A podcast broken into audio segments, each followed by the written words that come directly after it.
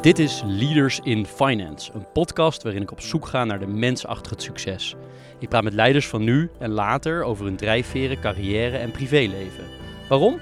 Omdat er meer gesproken moet worden in de financiële sector. Oké, Jeroen, wacht even hoor. Wacht, wacht even. Hele mooie intro. Ehm, duidelijk, goede muziek. Eh, en ik begrijp dus dat je deze podcast met ons wil gaan maken. Ja, Koos, jullie zijn toch de podcast-experts, de mannen van Microphone Media. Jullie hebben toch de beste zakelijke podcast 2019 gewonnen? Kan toch niet iedereen zeggen? Nee, is goed. Ja, ik snap inderdaad, eh, wij moeten dat eh, produceren met jou. Maar waarom moet jij het gaan maken? Nou ja, ik ben vijf jaar managing director geweest van een fintech. Heb zeven jaar voor een grootbank gewerkt. Ik hoop met die bagage iets te kunnen toevoegen. Kijk, ik begrijp misschien die mensen niet helemaal, maar ik denk dat ik toch wel een beetje hun taal spreek. Oké, oké, oké. Nou, is best overtuigend. Eh, mag ik je toch nog één vraag stellen? Tuurlijk, kom maar op. Heb je wel mensen die bij jou in de podcast willen? Jazeker, Koos. Ik heb nu 20 CEO's, partners, MD's, een lid van de Tweede Kamer, een hoogleraar, leden van de Raad van Bestuur, oftewel allemaal leaders in finance, bereid gevonden om mee te doen aan onze podcast. Klinkt hartstikke fantastisch. I rest my case. Zet hem op.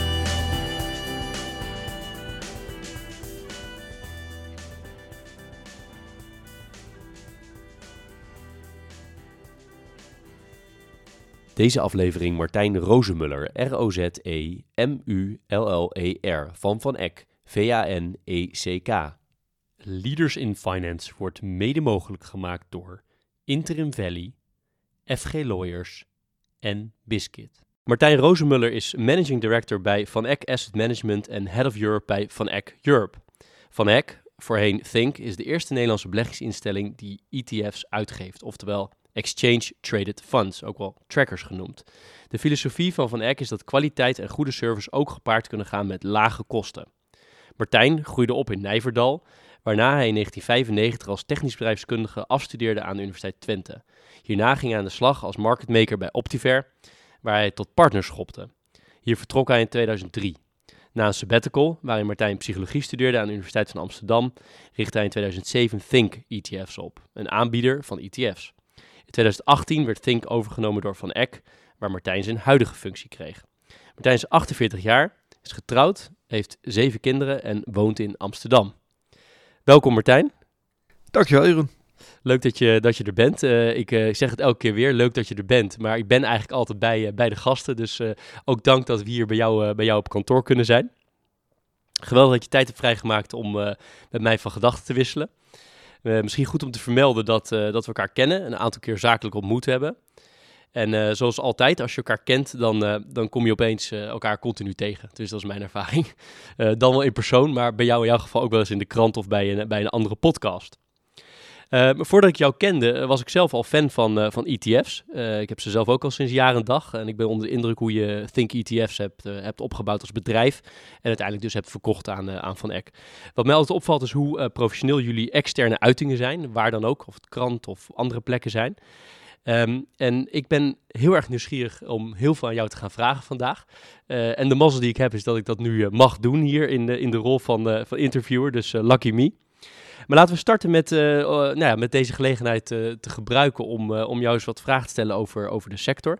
je bent er als geen ander in deze subsector van de financiële dienstverlening nou ja, altijd bij betrokken. Um, kan je iets zeggen over de, de meest in het oog springende veranderingen over die periode dat jij ermee bezig bent? Nou, graag. Er is inderdaad ja, de afgelopen 10, 12 jaar natuurlijk best veel veranderd. Toen wij ooit begonnen met het toen nog Think, ja, toen was de ETF in Nederland natuurlijk een niet heel veel gebruikt instrument. Uh, bij veel beleggers nog onbekend, maar ook bij veel financiële aanbieders uh, onbekend. Dat is afgelopen tien jaar natuurlijk enorm uh, veranderd. Hè. De ETF is ja, steeds meer richting mainstream gegaan. En dat zie je nou ja, niet alleen aan dat het veel meer gebruikt wordt als instrument. Je ziet ook dat er veel meer smaken gekomen zijn. De, de, ja, het aantal ETF's inmiddels is, is ruim boven de 6000. Hè, dus heel veel verschillende mogelijkheden. Dat is aan de ene kant goed. Aan de andere kant uh, moeten we ook oppassen dat we niet doorslaan, denk ik, als sector. De, ja, weet je, de hele, hele specialistische exposures die, um, ja, ik weet niet of dat altijd echt iets toevoegt. Maar wat in ieder geval goed is, denk ik, is dat de, ja, het instrument veel meer mainstream is. Dat een particuliere belegger niet meer standaard een, een, een beleggingsfonds kiest, maar inderdaad veel vaker ook een ETF overweegt. Met alle voordelen qua ja, risicospreiding en, en lagere kosten van dien. Ja, en de, de technologische kant? Zie je daar, heeft dat veel invloed gehad? Nou, ik denk dat dat op zich, uh, op zich meevalt, de, de impact van de technologie. De technologie die we 10, 12 jaar geleden gebruikten, gebruiken we eigenlijk nog steeds. Hè. Dat is zeg maar aan de achterkant het, het managen van het fonds. Uh, ja, daar is in essentie weinig veranderd. En als ik heel eerlijk ben, is daar eigenlijk uh, ook, ook sinds mijn tijd als beurshandelaar niet zo heel veel veranderd. Alhoewel, als ik uh, heel ver terugkijk, hè, toen ik ooit begon, uh, midden jaren negentig, ja, dan ging je nog met een, letterlijk met een steekwagentje papieren output ophalen bij de clearing. Uh, om hè, vervolgens te gaan checken met pen en papier of alle trades erin stonden. Nou, daar is natuurlijk wel veel verbeterd en veel geautomatiseerd. Maar de afgelopen tien jaar valt het wel mee. Ik, ik, ik zie vooral aan de, aan, zeg maar de fintech kant, ja, hè, zie ik dingen gepresenteerd worden als innovatie. Terwijl dat, dat feitelijk, ja, weet je, de, de voorkant is dan iets mooier gemaakt, maar aan de achterkant gebeurt voor een heel groot deel gewoon hetzelfde. Ja, ja. En jullie zelf, uh, zijn jullie op het moment nog aan het werk met, met een... Je hebt natuurlijk net een grote verandering achter de rug qua, qua bedrijf. Zijn jullie zelf nog aan veranderingen, met veranderingen bezig? Nou, de grootste verandering waar we nu middenin zitten natuurlijk is, is van een Nederlands georiënteerd bedrijf een Europees georiënteerd bedrijf worden. Wij zijn in Europa als Fnac op drie uh, plaatsen actief. we hebben een kantoor in Amsterdam, in Frankfurt en Zurich. Uh, nou, die werken eigenlijk alle drie samen om de Europese markt te veroveren. En ja, de, de, de focus op meerdere landen met verschillende talen, verschillende toezichthouders, verschillende culturele aspecten, dat, dat, ja, dat brengt wel een verandering met zich mee. Overigens een hele leuke. Hè. Het zorgt ervoor dat het allemaal wat, ja, hè, toch wat, wat uitdagender is uh, op een leuke manier. Um, maar brengt ook met zich mee dat bijvoorbeeld voor onze website hebben we ook, nou, als je het over technologie hebt, hè, die website een beetje moeten updaten, moeten zorgen dat alles in de local languages. Um, en ja, daar, daar zitten natuurlijk een paar uitdagingen, maar die, ja, die, die pakken we met veel plezier aan. Ja, mooi. En als ik nou toe beweeg naar, naar jou als persoon, hè, om even helemaal terug te gaan naar, naar jouw jeugd. Waar, uh, je, ik zei al, Nijverdal ben je opgegroeid. Maar uh, wat voor soort omgeving ben je opgegroeid, als je daar iets over wil zeggen? Um, nou, ik ben, ik ben met name opgegroeid uh, in de garage van mijn vader. Mijn vader was Volkswagen dealer. En nou ja, midden in het dorp stond de garage. En ja, ik, ik kan me als klein jongetje niet anders herinneren dan, hè, met name op de zaterdag, hè, dat ik daar natuurlijk rondliep en, en bijbaantjes had als autowasser en, en later uh, pompbediende. Um, nog weer wat later als, als hulp, uh, verkoop in de showroom. Dus ja, auto's is, is een belangrijk deel van, van de omgeving waar ik opgroeide. Um, gaandeweg, hè, zeker de middelbare school de laatste jaren begon, uh, ja, trok die beurs wel een klein beetje te trekken. Uh, toen ik ging studeren in Enschede, toen uh, ja, werd ik eigenlijk gelijk in, al tijdens de introductieperiode lid van de beleggingsstudieclub. Universiteit Twente is een vrij ondernemende universiteit en, en had ook een hele nou ja, actieve ondernemende beleggingsstudieclub. Dus ja, daar, daar rolde ik toen uh, hè, automatisch in. Overigens zeker nog niet met het idee dat ik daar later mijn werk van wilde maken. Nee, ja, ja. En dus jouw uh, ouders hadden dus een Volkswagen bedrijf, dus het waren ondernemers. Ja. Dus dat ondernemende komt daar dan vandaan? Uh, ik denk het wel. Uh, ja, dat, dat wordt je natuurlijk een beetje met de paplepel ingegoten. En een van de dingen die ik zeker van mijn, uh, van mijn vader heb overgenomen, denk ik, is de, laten we zeggen, het, het klantgedreven uh, aspect. Hè. Mijn vader, die kon je inderdaad op een doordeweekse avond of, of op een zondagochtend als klant bellen van, goh, ik sta langs de kant van de weg. Of, of, of ik ben, mijn sleutels kwijt. Of ik heb ze in de auto laten liggen. En ja, weet je, dan, dan ging je natuurlijk uh, gewoon helpen. Hè? Want zij, uh, ja, hij wist als geen ander dat met name in een kleinere gemeenschap is die mond-to-mond reclame is natuurlijk goud waard. En uh, zoals je nu natuurlijk de, de, laten we zeggen, online reviews hebt. Ja, zo had je toen natuurlijk de in real life reviews, die je ook nog steeds wel hebt. Maar ja, in, in die gemeenschap was dat heel belangrijk. Dus dat heb ik echt wel van hem geleerd. De klant is uh, koning. Maar betekent dat ook dat je eigenlijk tijdens je, bijvoorbeeld tijdens je studie in Twente of, of later, maar eerder dan dat je daadwerkelijk begon te ondernemen, had willen beginnen met ondernemen? Want je begon gewoon in loondienst, toch? Ja. Je werd partner, dus dat is een soort ondernemer, maar eens. Nou, ik, ik, ik zou je vertellen, de, de, ja, zeg maar mijn, mijn rol bij Optiver, of, of mijn eerste baan, uh, kwam eigenlijk heel grappig tot stand. Ik, was, ik ging richting afstuderen. En toen zei iemand tegen me dat ik er goed aan zou doen om dat solliciteren, zo'n sollicitatiegesprek, om dat ook eens te gaan oefenen voordat ik dan hè, echt een serieus gesprek ging doen. En toen dacht ik van nou, dat klinkt inderdaad verstandig. Dus, ehm, en diegene had ook gezegd, je moet dan wel iets kiezen waar je in theorie zou kunnen werken, iets, iets waar een beetje je interesse ligt.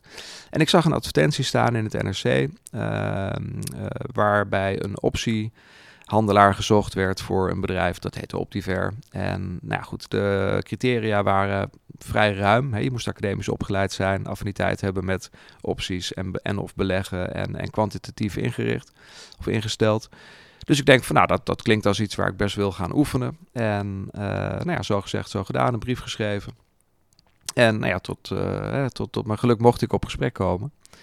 Ik weet het nog goed, ik ging vanuit Enschede helemaal naar Amsterdam met de trein. Het was echt enorm takken weer. Ik moest vanaf Centraal Station moest ik richting uh, de Dam lopen. Ze zaten daar in een, in een klein steegje. En ja, tot mijn verrassing kom ik daar naast twee andere sollicitanten te zitten. Want Optiver die uh, had het beleid dat uh, ja, je begon met een rekentest van zeven minuten. Omdat maar zo weinig mensen die test haalden, vonden ze het een beetje zonde om veel tijd aan die sollicitanten te, te besteden. Dus ja, dat was natuurlijk niet mijn bedoeling. Ik wilde oefenen. Dus ik deed mijn stinkende best om die test te halen en dat lukte gelukkig. En nou ja, toen kon ik dan eindelijk uh, oefenen, maar geleidelijk aan er zijn toen twee, drie uh, nou ja, zeg maar vervolgmeetings geweest. Ja, vond ik het eigenlijk zo'n leuk bedrijf dat ik mijn oefensollicitatie, uh, ja, daar ben ik eigenlijk gelijk blijven hangen. En zo ben ik dus ooit daar terecht gekomen, maar niet echt met het vooropgezette idee van dit wil ik. Eigenlijk tijdens de sollicitatie dacht ik van nou, het klinkt heel gaaf en dat ga ik eens een paar jaar doen het feit dat ik inderdaad uiteindelijk partner kon worden en dus een beetje ondernemender in, uh, ja, in de wedstrijd kwam te zitten, dat, dat heeft er denk ik toe bijgedragen dat ik wat langer ben gebleven. Uh, sowieso was het een hele mooie leerschool en is nog steeds een bedrijf waar ik uh, ja, met, met, met veel respect naar kijk. Uh, ze zijn ook enorm uitgegroeid. Hè. Toen ik ooit begon in 1995 waren we denk ik 20, 25 man groot in Amsterdam. En ja, dat was het hele bedrijf. In die periode gingen we al naar Australië. Nou, later is Optiver nog naar Amerika uitgebreid, naar Azië. Inmiddels uh, ja, zijn er ongeveer duizend mensen werkzaam wereldwijd. Dus er is nogal wat veranderd. En daar heb ik veel respect voor hoe ze dat gedaan hebben met behoud van de cultuur die, die er eigenlijk ook in Amsterdam destijds aan de Papenbroeksteeg al was. Namelijk hè, focus op inhoud, uh, niet op uiterlijk. En hè, doe maar normaal, dan doe je gek genoeg. Uh, ja, hele goede, gezonde bedrijfscultuur. Iets wat ik ook altijd binnen, binnen Think en, en nu binnen Van probeer na te doen. Hè. Daar heb ik echt, uh, echt ja, denk ik, van geleerd hoe waardevol dat is. Um, maar ik ben dus nooit echt op zoek geweest naar het ondernemerschap. Daar ben ik een beetje ingerold. Ik weet nog goed toen ik met, um, met Think begon ook weer een beetje een toevalligheidje. Ik zat op een avond in Amsterdam met een oud Optiver partner en, en, en, en vriend uh, ergens te eten. En zij hadden op dat moment uh, start gemaakt met, met Flow Traders. Een bedrijf wat zich met name richtte op market making in ETF's. En die avond ontstond eigenlijk het idee van... hey, moeten we niet ook een issuer opzetten? Een bedrijf dat ETF's uitgeeft. Ik weet nog dat ik in eerste instantie dacht van... nou, dat lijkt me best leuk om te doen. Maar daar ga ik niet uh, zeg maar al te veel eigen geld in steken of niet te veel hè, dat ondernemerschap. Ik, ik had een bepaalde mate van financiële onafhankelijkheid op dat moment, die ik heel prettig vond. Hè, dat geeft veel rust. Dus ik begon er nog aan met het idee van, nou, ik doe dat vooral hè, in loondienst met een beetje upside. Ja, en gaandeweg uh, werd ik er eigenlijk ingezogen. En voordat ik het wist, uh, zat er toch opeens na een paar jaar best veel privégeld in. En was ik eigenlijk veel meer ondernemer dan ik van plan was geweest. En dat kwam denk ik omdat ik zeker in die beginjaren, erachter kwam dat het veel moeilijker was om uh, een ETF-bedrijf op te zetten in Nederland. Hè. Er zijn, uh, zeker in die periode, waren gewoon bijna alle beleggingsproducten werden verkocht met een kickback. Uh, nou, wij wilden bewust heel goedkope producten aanbieden. We konden, wilden geen kickback betalen. Dus ja, ook, ook daar is eigenlijk weer met een aantal toevalligheden, ja, ben ik in die rol gedoken. En nog even terug naar die beleggingsclub. Wat, wat, wat, deed je daar precies? Wat was jouw. Uh, en, en heb je daar ook. Je hebt daar dus ook met echt geld gehandeld, neem ik aan. Ja. Uh, was het al geld dat je had verdiend aan de pomp? Of uh, waar, waar kwam dat vandaan? Of hoe, hoe ging dat? Ja, nou, tot op zekere hoogte klopt het inderdaad. Het begon uiteraard vooral, zoals dat in de studententijd hoort, met heel veel bier drinken bij de club. en um, gaandeweg werd het ook wel wat inhoudelijker. En ben ik inderdaad in de optiecommissie gaan zitten. Nou, dat was uh, ik denk dat we destijds nou, misschien 1500 of 2000 gulden in totaal in de pot hadden waar we dan opties mee konden kopen. Nou, dat was regelmatig op het einde van het jaar ook helemaal weer op. Dus er moest er weer ergens weer geld vandaan komen. ik, ik, was altijd wel een, ehm, inderdaad, een, een, ja, iemand die naast zijn studie veel werkte. Naast inderdaad de pomp guldens uit die tijd, werd het op een gegeven moment inderdaad werken in de showroom. Maar daarnaast werkte ik ook nog één of twee avonden per week in, uh, in een kroeg in Enschede. Uh, dus, dus ik had altijd minstens twee baantjes en op die manier ook altijd wel iets geld om te beleggen. Het meeste geld wat ik overigens belegde ging niet via de beleggingsclub, want dat was echt meer droog oefenen waar iedereen dan een klein beetje inbracht. Maar ik had zeg maar mijn eigen beleggingsrekening waar ik dan eigenlijk wat actiever was. En uh, nou ja, ook wel met ja, misschien een beetje beginnersgeluk, maar zeker in het begin een paar hele mooie uitschieters. Ik weet nog dat Holland Collars was, was een van de aandeeltjes waar ik in zat. En dat was, was dan via via hoorden we van iemand van, nou, dat is echt een mooi bedrijf. Nou, hè, daar ga je dan eens in en, en dat gaat dan goed. Ik weet nog dat op een gegeven moment ING uit Warrants uitgegeven. En die, uh, die werden aangeraden door iemand van de lokale Rabobank, waar ik dan mijn beleggingsrekening had. Ik denk, nou, klinkt mooi. Warrant, een beetje leverage erin. En uh, nou, dat pakte ook goed uit. Ik heb overigens ook wel een aantal optieconstructies opgezet die dan net weer niet goed uitpakten. Maar Per saldo heb ik in mijn studententijd inderdaad mijn uh, zuur verdiende geld ook nog een beetje kunnen laten renderen. Maar we kunnen in ieder geval zeggen dat het een hele actieve beleggingsstrategie was. Het was weinig passief nog, denk ik. Of, uh... Ja, het was zeker heel actief. Het was ook uh, heel gefocust. En inderdaad, ja, op het moment dat je met opties of warrants, hè, dan zit je nog met een leverage. Dan, uh, ja, dan is dat wel iets heel anders dan wat ik nu doe. Ehm, overigens ook misschien wel een beetje.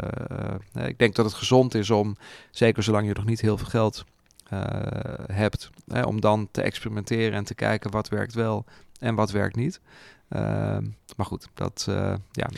In die beginperiode uh, van werken, van het werkende bestaan en, en misschien tien jaar daarna, zijn er specifieke personen geweest die heel veel. Je hoeft, misschien, je hoeft geen namen te noemen, mag wel, maar uh, zijn specifieke personen geweest die echt veel impact op je gehad hebben in, in het vervolg en wat je bent gaan doen en hoe je bent gaan denken? Nou, absoluut. Ik denk dat, uh, nou ja, wat ik al zei, die Optiver-periode heeft me gewoon heel veel uh, gebracht um, qua, qua kennis. En, uh, maar, maar niet alleen echt zeg maar, harde feitenkennis, maar met name ook het leren omgaan met, met, met bepaalde dingen. Hè, onverwachte gebeurtenissen, simpele boerenwijsheden als if it looks too good to be true, it usually is. je leert op zijn beursvloer, leer je gewoon ja, best wel veel wijsheden die je eigenlijk in, in, in dagelijks leven ook kunt gebruiken. Niet alleen per se als het gaat om, om geld of om beleggen, maar ja, gewoon dagelijkse dingen. Dus ja, er zijn zeker een aantal mensen die daar een extra rol in hebben gespeeld. Bij, bij Optiver hadden we iemand die zeg maar als een soort uh, ja, uh, chef van de vloer de handelaren aanstuurde. Nou, die was met name heel erg gefocust op risico. Hè, wij moesten proberen hè, ons geld te verdienen met zo min mogelijk risico. Terwijl heel veel bedrijven en handelaren eigenlijk juist probeerden geld te verdienen door heel veel risico te nemen. Nou, een van de dingen die ik daarvan geleerd heb, is dat met name het beperken van je risico's uh, is zeg maar de sleutel naar uh, langdurig succes. je kan best af en toe succes hebben als je veel risico neemt, maar er zijn ook helaas voorbeelden van bedrijven die dat uiteindelijk moesten bekopen met een faillissement.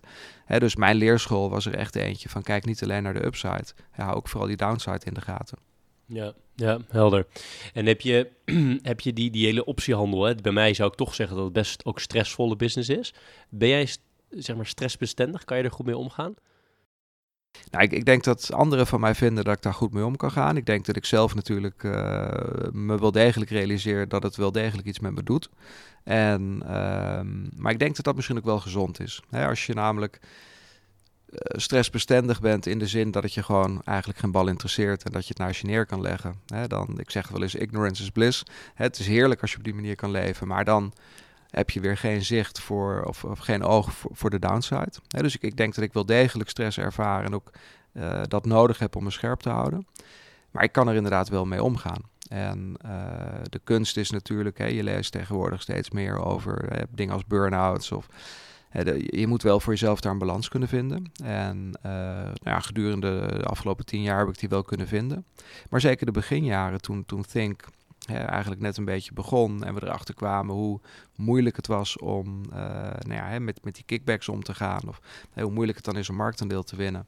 Ja, dan ervaar je best de stress omdat je weet van hé, hey, weet je, dit is wel. Uh, hè, we hebben op een gegeven moment klanten, we hebben personeel, uh, ik heb eigen geld in de zaak. Ja, dat, dat, dat is echt wel iets wat je niet zomaar naast je neerlegt. Kan je nog goed herinneren wat je allereerste moment was dat je verantwoordelijk werd voor iemand anders?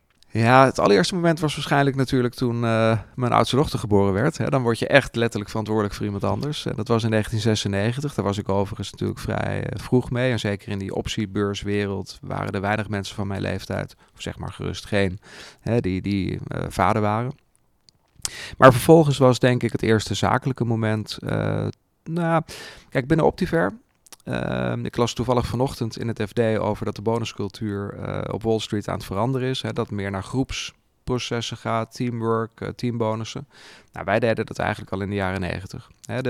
niemand was groter dan, dan het geheel. Ehm, er werd heel erg gefocust op hè, dat, dat je het als groep moest doen. En, en dat droeg ook bij aan dat iedereen zijn risico's in de gaten hield. Dus ik voelde me als onderdeel van dat team altijd ook wel verantwoordelijk voor het geheel. Uh, maar vervolgens kregen we richting, uh, nou ja, richting 2001 de, de overgang naar schermhandel. En heel veel van de met name oude garde vloerhandelaren geloofden in het begin nog niet zo erg dat schermhandel ook daadwerkelijk zou doorgaan. Want wat was er nou mooier dan handel op de vloer? Uh, wat ik tot op zekere hoogte met ze, met eens was, hè, want het was inderdaad een hele leuke tijd. Maar goed, dat, dat, dat project kwam eraan. Iemand moest dat gaan doen. Ik ben uiteindelijk binnen Optiver degene geweest die het schermhandeltraject uh, of het project heeft, heeft gerund. En dat was natuurlijk wel voor het eerst dat ik voor meer verantwoordelijk was dan alleen mijn eigen PNL in de fondsen waarin ik in handelde. Ik, ik werd opeens verantwoordelijk voor, we gingen een nieuw schermhandelssysteem bouwen.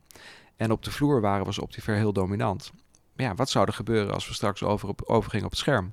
Ja, daar voelde ik me natuurlijk heel verantwoordelijk voor. Want als dat zeg maar niet goed gegaan was, ja, dan, dan hè, waren we van zeg maar een van de, de topbedrijven op de beurs opeens, nou, misschien wel de slemiel. Dus ja, dat, dat eh, gaf me wel, wel degelijk wat, uh, wat verantwoordelijkheidsgevoel en druk. Hoe motiveerde je de mensen in je team die aan het project werkten voor de schermen? Nou ja, de, de, de grap was dat het project in eerste instantie natuurlijk een, relatief klein project was. Want de beurs die had besloten om gefaseerd uh, van vloer naar scherm te gaan. Dus het ging eigenlijk fonds per fonds. Um, dus mijn team was, was qua handelaren heel beperkt, vooral ikzelf eigenlijk. Um, en ja, er was een jongen van IT bij betrokken. En IT was destijds natuurlijk een heel klein clubje. Ik denk dat we drie, vier mensen hadden op IT en, meer generalisten dan, dan echt specialisten.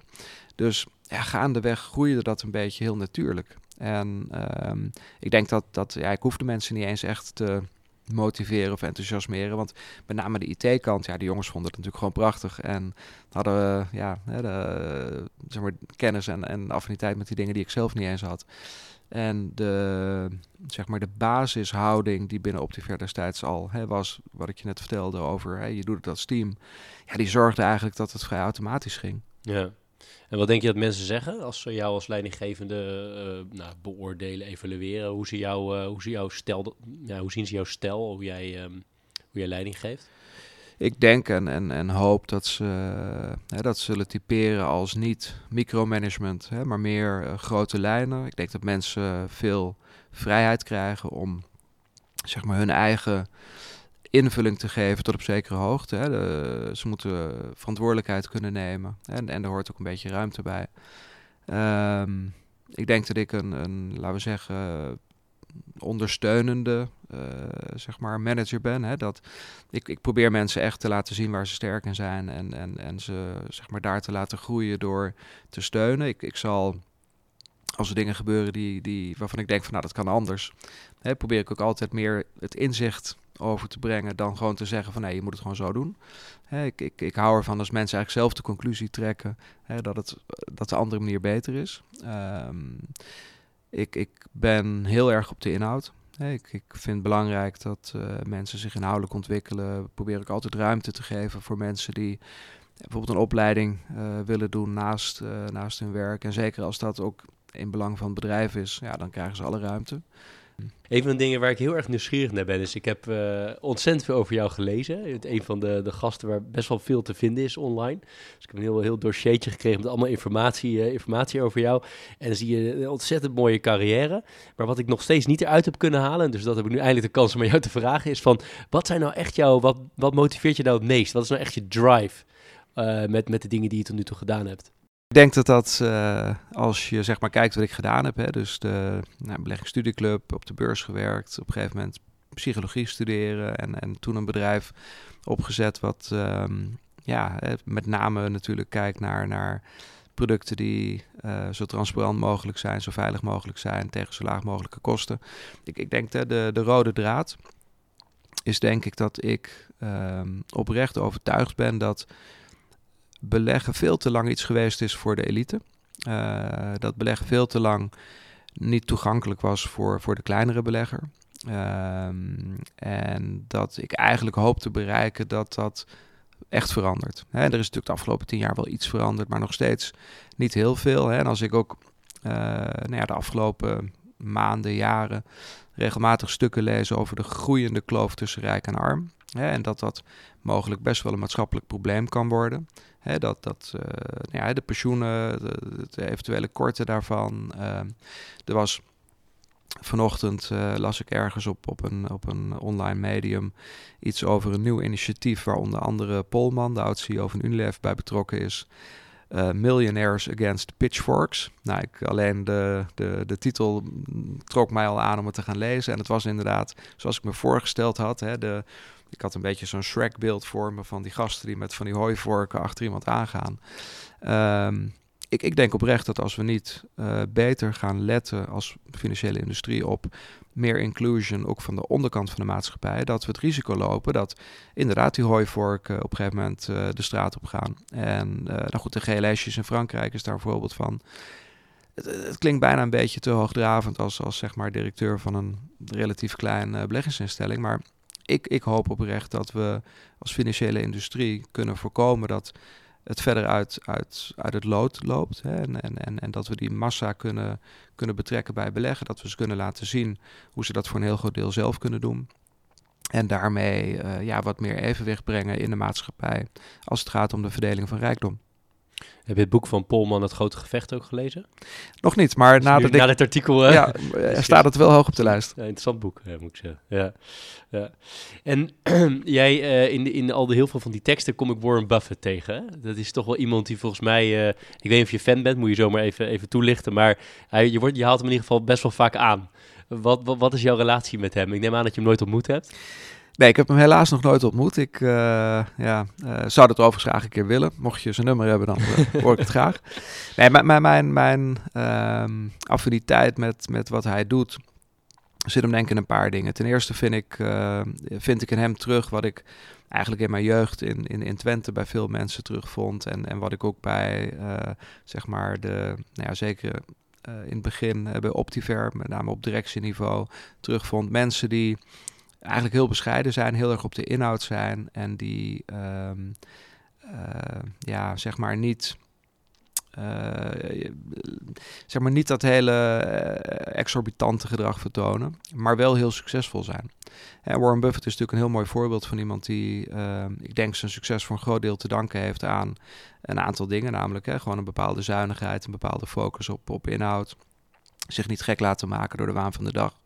En, en dat ook heel erg uitdraagt. Ik, ik vind dat uh, nou, ook de manier waarop hij samen met onder andere Bill Gates en inmiddels nog heel veel anderen hè, ook iets terug probeert te doen voor de maatschappij en zijn uh, succes, hè, met name zijn financiële succes, niet alleen gebruikt om iedere keer weer een grote jacht te kopen. Dat, dat spreekt me erg aan.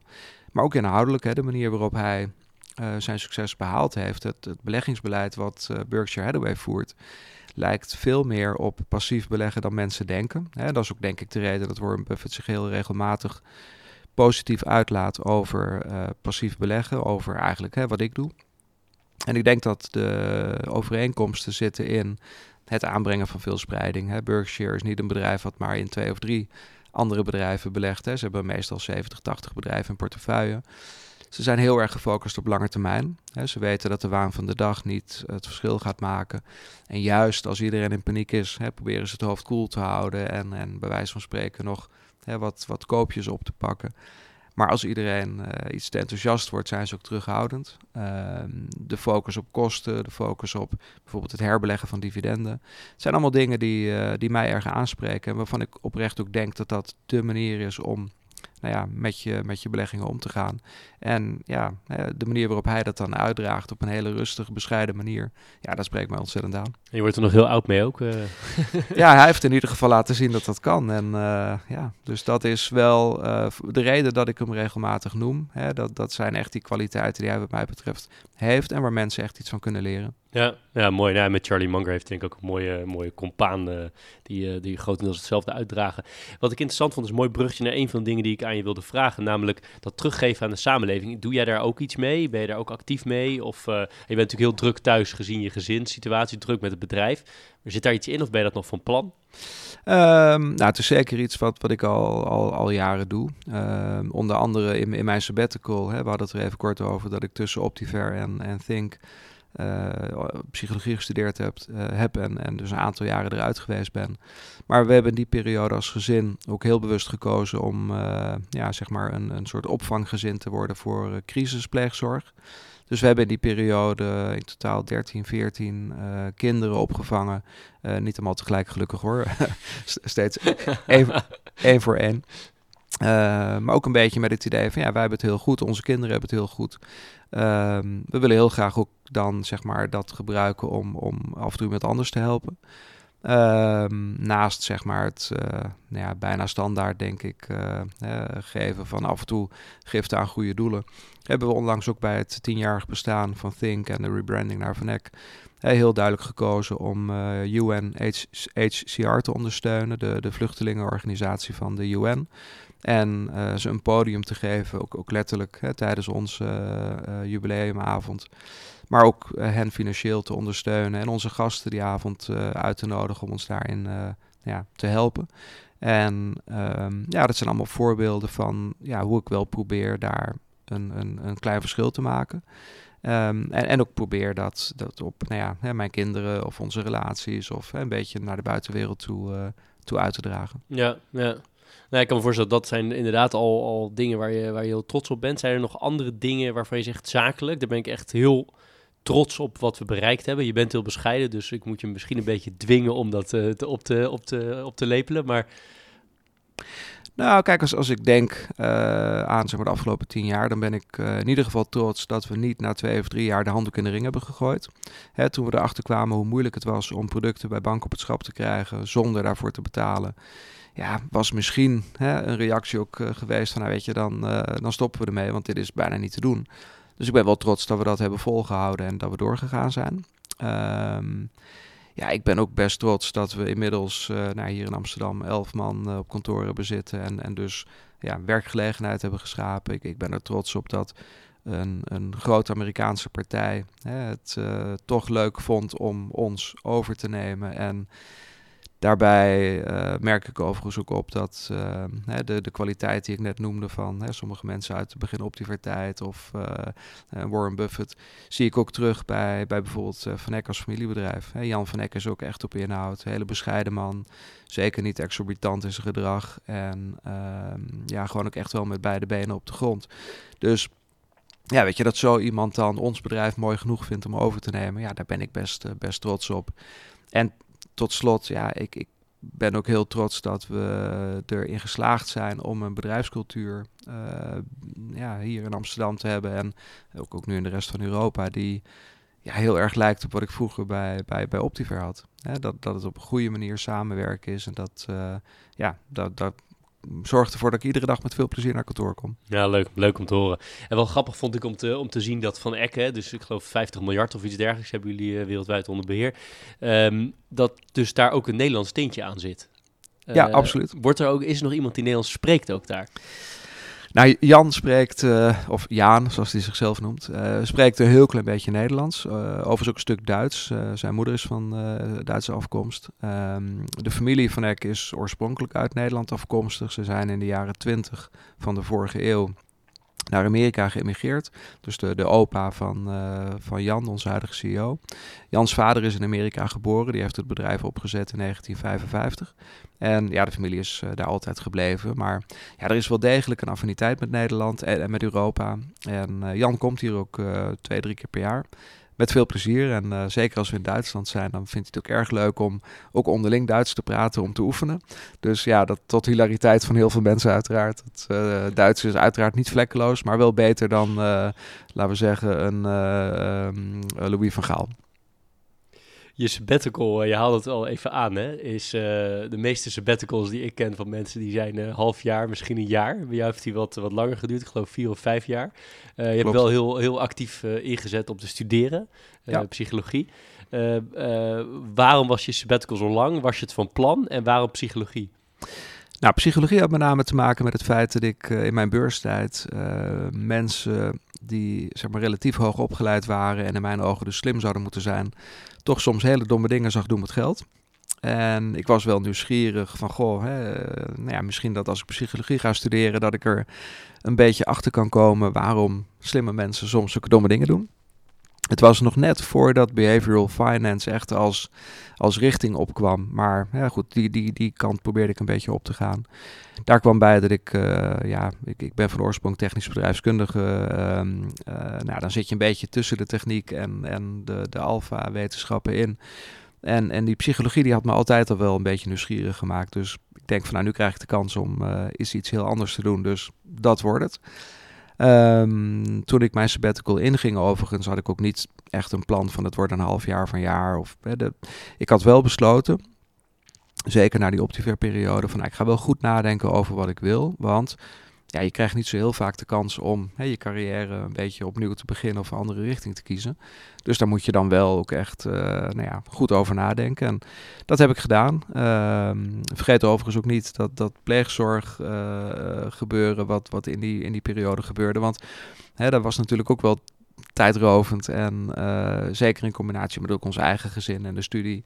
Um, heeft dat er ook wel voor gezorgd dat ik misschien iets minder tijd had hier, uh, om zeg maar, over sommige dingen na te denken dan ik misschien in het begin gedacht had.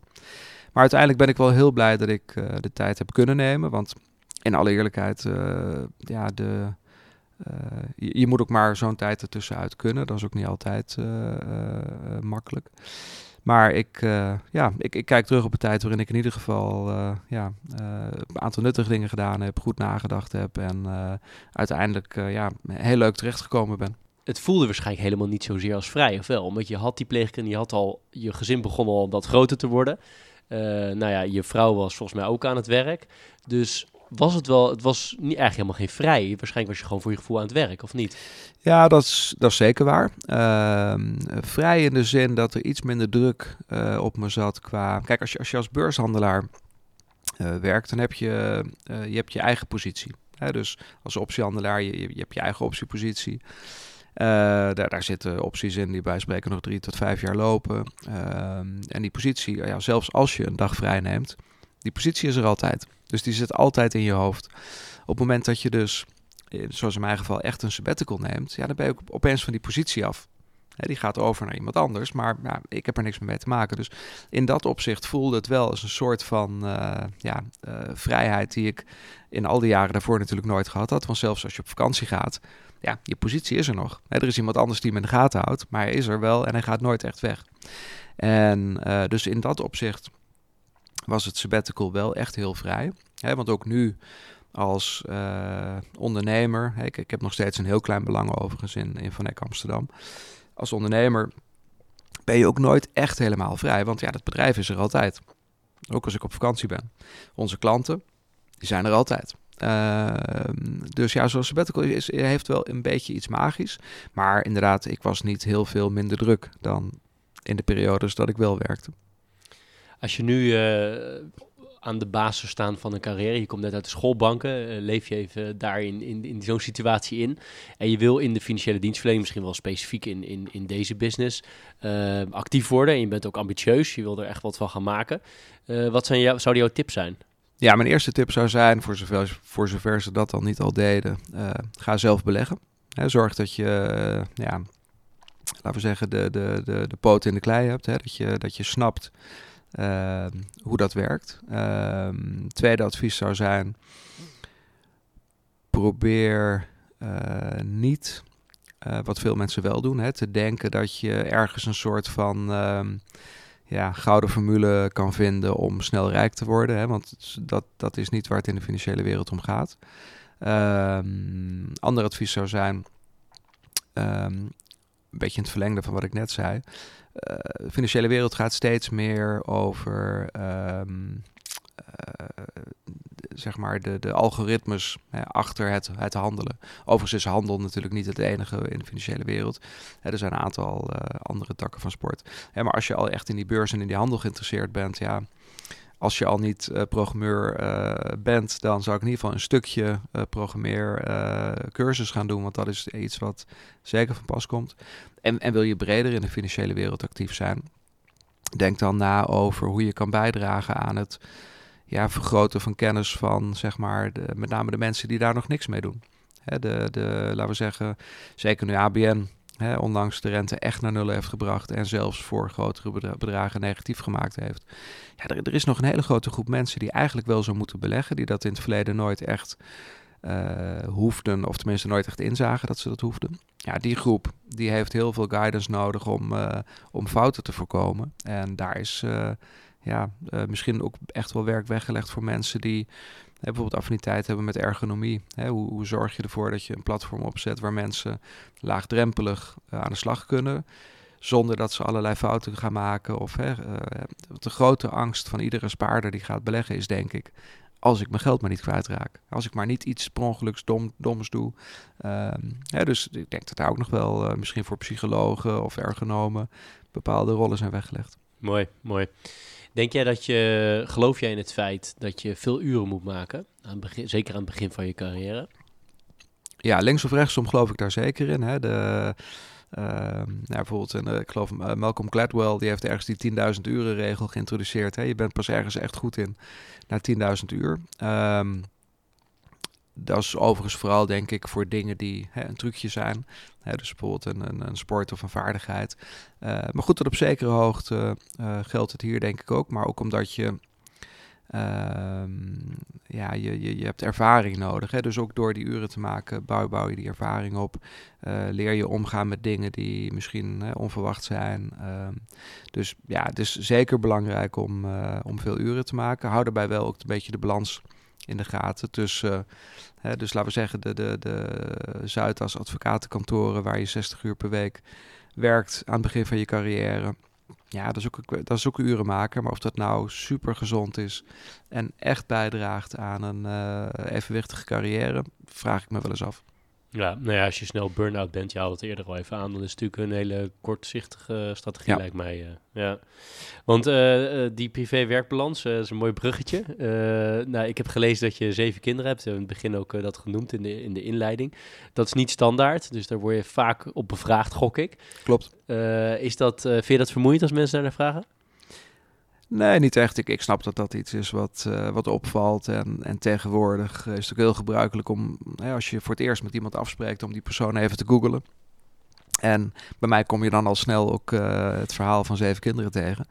Dus ik, ik ben eraan gewend en ik vind het prima. Ik bedoel, het is een, uh, het is een leuk onderwerp. En hè, wat, wat, wat nog wel eens gebeurt, en ik vind het altijd wel grappig, is dat je ziet soms bij mensen een beetje van zal ik nou wel of niet vragen of het bij één vrouw is? En vaak ben ik dat dan maar voor. En, uh, nee, dus het, het, het, levert vaak hele leuke gesprekken op. En, en, en die balans overigens bij mij is er denk ik redelijk. Hè? Dat, dat sabbatical, uh, die sabbatical periode gaf natuurlijk al een beetje aan dat ik... Het was echt niet alleen om te gaan studeren en eens goed na te denken. Het was ook wel om balans uh, in het gezinsleven terug te brengen. Die beursperiode was natuurlijk best uh, intensief wat dat betreft. Mijn vrouw, die, die overigens iets jonger is, die uh, heeft in mijn sabbatical periode zelf haar studie afgemaakt. En dus dat was ook een manier om, laten we zeggen, die balans in ons gezin weer terug te vinden. Sinds ik uh, nou ja, met, met Think begonnen ben en ook in de Vanek-periode probeer ik ook die balans wel, wel te houden. Ik ben natuurlijk nu vaker op reis. Ehm, maar ik probeer dan op andere momenten wel ja, daar weer wat terug te doen. Ik, ik, breng bijvoorbeeld bijna iedere ochtend mijn kinderen naar school. En op dit moment is het alleen nog de jongste. de rest is allemaal al middelbare school of ouder.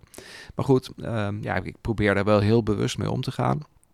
En ik heb het geluk dat ik vlak bij mijn kantoor woon. Dus eh, als het af en toe nodig is, uh, ja, weet je, dan kan ik nog een keer uh, op en neer fietsen naar school om iemand te halen. Of, uh, nou ja. en komt even jullie ook uit een groot gezin zelf? nee, eigenlijk niet. Nee, dus jullie zijn wat dat betreft door de, zeg maar, dit is een grote verandering in de generaties. ja, absoluut. grappig. En de eerste zijn nu uit huis? ja, de oudste twee die, zijn op kamers. De, de oudste al een jaar of drie, vier inmiddels. Degene die daarna kwam, nu ongeveer een jaar. Dus ja, gaandeweg wordt het uh, wat rustiger. Het wordt wat saai thuis, of niet? nou, ik heb, ik, heb, nog vijf kinderen thuis. Valt dus mee, valt, valt mee. Nou ja, als je zeven gewend bent uh, en een vrouw, dan dat is mooi. Hoe zorg je dat je fit blijft? Want zeker in die periode waarin je eigen bedrijf begon en je had die kinderen en misschien zelfs nog die pleegkinderen. Ja. Dat kan ik me bijna niet voorstellen hoe je dan niet een burn-out krijgt. ja, nou goed, die, die, heb ik gelukkig ontlopen. Maar zeker in die periode niet, doordat ik heel veel, uh, zeg maar, sport bedreef. Ik ben, uh, nou ja, zeker de, de middelbare schoolperiode was ik heel fanatiek turner. En uh, ja, ik denk wel dat ik toen heel fit was. In mijn studententijd werd het al ietsje minder, maar goed, hè, als student ja, probeer natuurlijk ook nog wel een beetje, een beetje fit te blijven. En sportschoolbezoek hielp daarbij. Toen ik uh, ging werken werd het een stukje minder al. Uh, ik weet nog in de optivertijd uh, squashte ik en bleef op die manier nog een beetje fit. En zeker de eerste paar jaar bij Think was dat eigenlijk helemaal weg. En had ik eigenlijk, vond ik zelf ook geen tijd voor sport. En het hardlopen, wat, wat mijn vrouw heel fanatiek deed, ja, dat vond ik maar niks en saai. En ik had ook het idee dat ik, dat eigenlijk, dat ik daar niet voor gebouwd was. wat natuurlijk een heel mooi excuus is om niet te hoeven hardlopen. En uiteindelijk een jaar of uh, vier geleden, inmiddels iets langer misschien. Nadat ik een aantal dingen had geprobeerd, hè, wielrennen, nou, je ziet uh, de dingen die oudere mannen vaak gaan doen. golf overigens heb ik echt nooit gewild, maar misschien dat ik er ook net te kort voor ben met mijn 1,74.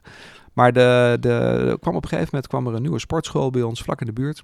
En die bracht iets nieuws, dat heette CrossFit. En CrossFit nou, was op dat moment in Nederland nog niet heel, heel bekend. Maar dat bleek een combinatie van turnen, cardio en ehm, gewichtheffen. Nou, met name dat turnaspect, dat vond ik op zich wel grappig. En, um, en ik had ook het idee dat cardio, dat zou natuurlijk vooral roeien en touwtjes springen zijn. En mijn vrouw die heeft me eigenlijk een beetje overgehaald om daar dan een keer een proefles te nemen. En ik vond dat heel leuk. Behalve dat ik gelijk al, ik geloof de tweede of de derde les uh, te horen kreeg dat we gingen hardlopen. Dus dat was even wennen. Maar goed, uh, inmiddels uh, ja, doe ik het nog steeds één, twee keer per week. En ben ik zelf zover dat ik in het weekend ook geheel vrijwillig af en toe ergens tussen de 5 en 10 kilometer ga hardlopen. En ik merk ook inmiddels wel dat me dat helpt. dus als ik echt ergens over aan het ja, malen ben en denk van, goh, hoe ga ik dit nou eens aanvliegen? ja, dan kan het enorm helpen om inderdaad eventjes uh, een half uur in het Vondelpark te rennen, mijn hoofd leeg te maken. En, en overigens, wat, wat ik wel al die jaren al deed, en ook om mijn hoofd leeg te maken, is zoveel mogelijk woon-werkverkeer uh, fietsen. Binnen Amsterdam is dat sowieso de snelste en de meest praktische manier. Maar ook dat heeft natuurlijk een beetje bijgedragen aan nou ja, fit blijven en af en toe je hoofd kunnen leegmaken. En je vrouw die heeft uh, marathon gelopen, las ik. Uh, wanneer ga jij je eerste marathon lopen? Meerdere. Wanneer ga jij je eerste lopen? Nou, die ambitie heb ik absoluut niet. Ik heb, uh, nou, ik denk het verste wat ik ooit gelopen heb is 15 kilometer. En nou, toen kwam ik ook echt zo'n beetje strompelend over de finish. Dus nee, ik denk, ik, ik, ik vind het leuk om misschien nog een keer, weet je, een dam tot dam of, of nou ja, ik zeg wel eens heel, misschien ooit nog een keer een halve marathon, maar een hele marathon, ik, nee, ik kan me niet eens voorstellen dat ik het, dat ik het zou volbrengen. Ik heb afgelopen jaar de Man versus Horse gelopen. Dat is een uh, hardloopwedstrijd in Wales, waar je tegen paarden strijdt, met ruiters erop. Misschien is dat wat voor je, maar 33 kilometer, toch wel, uh, Tof. Toch wel veel. Ik, uh, het klinkt prachtig, maar ik denk inderdaad voor mij nog iets te hoog gegrepen. Waar, waar zie jij jezelf over respectievelijk 5 en 10 jaar zakelijk? Um, nou ja, ik heb afgelopen november bij het tienjarig bestaan van Think en rebranding naar Vanek gezegd van nou ja, ik hoop dit zeker nog tien jaar door te doen. Hè, dus de tien jaar daarvoor nog eens te verlengen. Um, dus ja, over vijf en over tien jaar zie ik mezelf nog wel op deze plek. Ik hoop dat we ergens hè, gaandeweg die, die periode in Europa een, een, laten we zeggen, een plekje in, in, de, in de top 10 hè, kunnen, kunnen veroveren met Vanek. We zijn nu Als je gaat kijken naar de ranglijstjes, uh, ik denk nummer 17 hè, qua, qua assets in, in Europa. In Amerika zijn we als bedrijf nou ja, top 10 speler. Hè, nummer 8, nummer 9, wisselt een beetje. Um, ja, dat is wel een ambitie die ik heb binnen nu en 10 jaar, om dat in Europa ook te verwezenlijken. Daarnaast hoop ik dat we ja, een beetje mijn achterliggende missie of achterliggende ambitie. Om ook echt een verschil te maken in het uh, meer engageren van, laten we zeggen, de massa in beleggen. Hè, dat we daar ook een rol kunnen spelen. En dat we ja, met, met misschien wel uh, zeg maar hulp van een aantal andere clubs uh, ja, daar ook een verschil gemaakt hebben. Nou, dat is interessant. En welke landen in Europa zijn groot qua ETF's op dit moment? Qua passief beleggen? Nou, ik denk dat uh, de belangrijkste zijn uh, Engeland, Nederland, Duitsland, Zwitserland, Italië. Hè, dat zijn ook de landen waar wij op focussen. Uh, maar de Scandinavische landen zijn absoluut ook belangrijk. En hè, we, hebben zeg maar de, de vijf die ik net noemde, dat zijn echt onze, onze focuslanden. Maar daarnaast hebben we dus, met name Scandinavië, Oostenrijk, Spanje hè, als landen waarin we zeker ook geïnteresseerd zijn en, waar we ook wel een, uh, laten we zeggen, weliswaar iets mindere, hè, maar, ook, maar ook echt een bepaalde focus op hebben. Ja, Mooi. De pleaser teaser van deze week.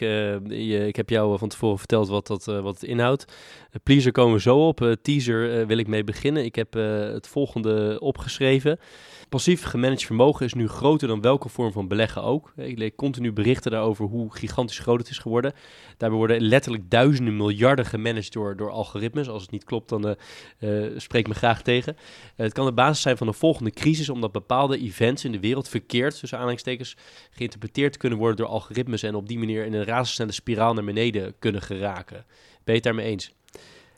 Nee, en dat komt met name omdat ik heb toevallig net, ik ben bezig in een boek van Hannah Fry, uh, Algoritmes aan de macht.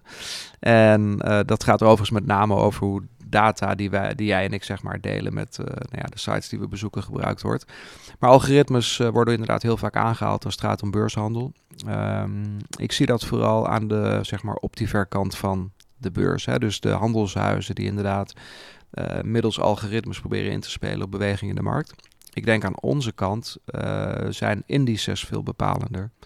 Dus hoe die, hoe die miljarden die passief belegd worden, hoe die verdeeld worden, dat heeft met name te maken hè, welke index kiest een ETF-aanbieder. En hoe wordt die index vervolgens door de indexaanbieder gemanaged? En, en dat gaat natuurlijk op hele andere manieren. Ten eerste wordt zo'n index vaak maar één of twee of drie keer per jaar herwogen. Of eigenlijk eens per jaar, per half jaar of per kwartaal. Um, en ja, op het moment dat zo'n index verschuift, hè, dan verschuiven als het goed is ook de assets van een, van een ETF. Maar dat, dat valt op zich wel mee. Plus dat er zoveel verschillende indices en ETF's zijn dat hè, daar uh, wat mij betreft niet zoveel dreiging van uitgaat. Wat al wat gevaarlijker zou kunnen worden, is natuurlijk de manier waarop de market makers in die verschillende producten hun markten onderhouden. En daar heb je in het verleden inderdaad wel eens ongelukken gezien, waarbij hè, als dat helemaal geautomatiseerd gebeurt met de algoritmen. Hè, de flash crash in, ik meen 2010, hè, wat was een voorbeeld. Uh, nou, er is later nog wel eens één of twee keer iets gebeurd waarbij inderdaad zo'n handelssysteem van een, van een uh, market maker op hol slaat en ja, een heel stuk van de markt meeduwt ook daar zijn natuurlijk wel lessen getrokken uit het verleden. Dus dat, dat gebeurt wel, wel steeds minder. Um, kan je nooit helemaal uitsluiten. Maar ik denk dat het minder te maken heeft met, met passief of actief. En, en meer te maken heeft met uh, ja, dus de, de handelshuizen en, en hoe die hun rol vervullen. Helder, oké. Nou, we gaan het, uh, we gaan het meemaken waarschijnlijk. Misschien nog één kleine toevoeging ja, erop is dat ja, als je puur kijkt naar het beheerd vermogen dan is actief nog steeds veel groter dan passief. dus het is wel zo dat inderdaad van het, van het geld wat op dit moment uh, belegd wordt, de, de nieuwe instroom, dat is inderdaad voor een heel groot deel passief, ook nog niet eens 100%. Maar van het geld wat al belegd is de afgelopen decennia, is nog steeds, nou, ik zou het niet helemaal durven zeggen, maar eh, mijn, mijn inschatting zou zijn zeker 60, 70% nog actief gemanaged. En um, ja, het is dus zeker niet zo dat passief de, de meerderheid is. Oké. Uh, de, de Pleaser, ik, ik was benieuwd naar, jou, uh, naar jouw favoriete boek. Uh, en eventueel ook je favoriete Netflix tv-serie. Nou, qua boeken... Um, Ik heb een aantal boeken al genoemd en, bij mij zit het altijd een beetje in zeg maar, de populair wetenschappelijke hoek. Ik vind het altijd leuk om, om dingen te lezen die, die te maken hebben met nou ja, bijvoorbeeld hè, psychologie, uh, maar ook, ook meer andere populaire wetenschap, historie. Um, en toch is een van mijn favoriete boeken is meer science fiction. En uh, wel van Isaac Asimov. Die heeft uh, ooit, uh, nou al decennia geleden, de Foundation-trilogie geschreven. Inmiddels zijn het, is het uiteindelijk uitgegroeid tot, ik geloof, zes delen. Um, wat me daar enorm in aansprak was zijn, ehm, ja, eigenlijk bijna visionaire visie op hoe de wereld zou kunnen veranderen. En de manier waarop hij enorm groot durft te denken. Het universum wat hij beschrijft uh, beslaat vele duizenden of misschien wel tienduizenden bewoonde planeet. Uh, een, een, heel, ja, zeg maar, interessant beeld waarbij techniek ook weer hand in hand gaat met ehm, bepaalde meer psychische, psychologische of, of ja, andere fenomenen. niet gelijk alle geheimen verklappen, want het is echt leuk om te lezen. Maar het, het, het, het geeft een, um, ja, een heel interessant wereldbeeld. En, en uh, een van de dingen die, die als thema in zijn boek uh, voorkomt, is een soort van de psychohistorie. Hè, waarbij met, met wiskundige technieken voorspellingen over toekomst worden gedaan. Nou, dat raakt natuurlijk een klein beetje aan, aan mijn vak en hoe sommige mensen proberen die toekomst te voorspellen. En zijn uh, stelling in het boek is eigenlijk dat op het moment dat je steekproef groot genoeg wordt, hè, dan wordt het steeds makkelijker om iets te voorspellen. En, en zeker in een universum met ja, tienduizenden bewoonde planeten en nou ja, triljarden uh, levende uh, organismen daarop. Ja, uh, nou goed. dat is een van mijn favoriete boeken. En als ik dan toch eentje moet noemen, dan maar die trilogie. Hoe kwam je erbij?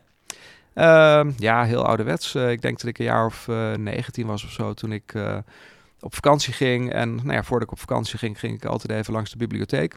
Uh, die had je toen nog. Ja, die heb je nog steeds, maar ik denk dat het steeds minder gebruikt wordt. Maar ja, ik, ik, ik was gewoon een beetje aan het neuzen tussen de boeken. En ja, ik kwam één boek van hem tegen. En toen ik erachter kwam dat er meerdere waren, heb ik ze allemaal gelezen. Was je verkocht. Ja. En uh, tv, Netflix of iets dergelijks? Ja, ik, ik ben een hele uh, slechte tv-kijker. Ik heb er simpel, ik maak er te weinig tijd voor. Uh, maar ik heb wel, nou, zeker een aantal pubers thuis die natuurlijk graag Netflix kijken. En zo heb ik de afgelopen jaren met, uh, met ze de Game of Thrones serie gekeken, die ik in eerste instantie leek me dat vrij, uh, nou ja, absurd. Maar na twee, drie afleveringen zat ik er toch in. En overigens moet ik bekennen dat het wel weer begon met het boek. Een van mijn zoons die had een van de boeken van Game of Thrones. En toen ik er een keer een beetje in zat, dacht ik van nou, misschien is het best leuk. Dus uh, ja, die hebben we de afgelopen tijd met veel plezier gekeken. Uh, helaas uh, voorlopig is dat nou ja, afgelopen. Maar er schijnt eventueel nog weer iets nieuws aan te komen. Nou, dat is mooi. Nou, dat moet je in de gaten houden. Wie, wie, wie is jouw leader in finance? Ja, we hebben net heel kort al Buffett genoemd. Hè. Die, die zou zeker ook in, in, in dat rijtje staan. Maar als ik dan iemand anders moet noemen, dan is het toch wel uh, ja, Bogle, hè, de, de oprichter van Vanguard. Um, helaas niet meer onder ons, maar uh, nou, hij is ook heel oud geworden overigens. En ik heb hem uh, ook helaas nooit echt ontmoet, maar wel eens meegemaakt in uh, nou ja, zeg maar zo'n satellietinterview. Dat je in een grote zaal zit en dat hij dan door iemand op het podium wordt bevraagd en uh, in beeld verschijnt en antwoord geeft. En ja, eigenlijk tot het allerlaatst is hij altijd super scherp en super helder gebleven. Hij heeft natuurlijk al ja, midden jaren zeventig de beweging naar passief in gang gezet. Op het moment dat iedereen hem eigenlijk voor gek verklaarde. En ja, ik, ik hou altijd wel van dat soort figuren die dan, ondanks dat iedereen zegt waar begin je aan, doorgaat en uiteindelijk gelijk krijgt. Hè, en, en nu eigenlijk, ja, nou ja, in ieder geval postuum uh, volledig het gelijk aan, aan zijn kant heeft. En ook de manier waarop Vanguard dat gedaan heeft en ehm, hoe kritisch hij altijd geweest is, ook op de financiële wereld. Ja, dat is wel iets waar ik een, een voorbeeld aan probeer te nemen. En uh, ja, ik heb niet de illusie dat ik ooit in zijn schoenen sta, maar ik heb wel echt veel respect voor wat hij gedaan heeft. En ja, nogmaals, als, als ik dan toch een voorbeeld moet kiezen, dan uh, ja, iemand als Mooi. hem. Mooi. Heb jij nog iets uh, waarvan je zegt, nou Jeroen, dat uh, zouden we echt moeten, moeten bespreken hier, van jouw kant? Nou, uh, meestal als we op dit punt in een gesprek zijn aangeland, dan begin ik me te realiseren hoeveel ik gepraat heb. En volgens mij heb ik al best veel verteld. Ehm, ik denk niet dat we veel gemist hebben, maar ik vond het wel super leuk om te doen. En eh, met name zo gaandeweg zo'n gesprek, uh, ja, ga je af en toe kanten op die je vooraf misschien niet eens bedacht had. Dus nee, ik, ik, vond het heel leuk. En nou ja, mocht je over een hele lange tijd weer eens willen revisiten, dan hou ik me aanbevolen. Leuk, nou geweldig. Hartstikke bedankt. Ik vond het ook een ontzettend leuk gesprek. veel dank voor je openheid en, en ook leuk hoe we gemeanderd hebben tussen privé en werk en weer terug. Dat vond ik vooral heel erg leuk. Mooie, mooie mix daarin. En uh, nou ja, je, je soort van uitnodiging om nog een keer terug te komen neem ik graag aan. Heel, heel erg bedankt. Graag gedaan. Dit was Leaders in Finance. Elke week weer een nieuwe aflevering. Elke week weer een mens achter het succes. ik vind het belangrijk om te zeggen, deze podcast zou er niet zijn zonder onze partners. Interim Valley, FG Lawyers en Biscuit.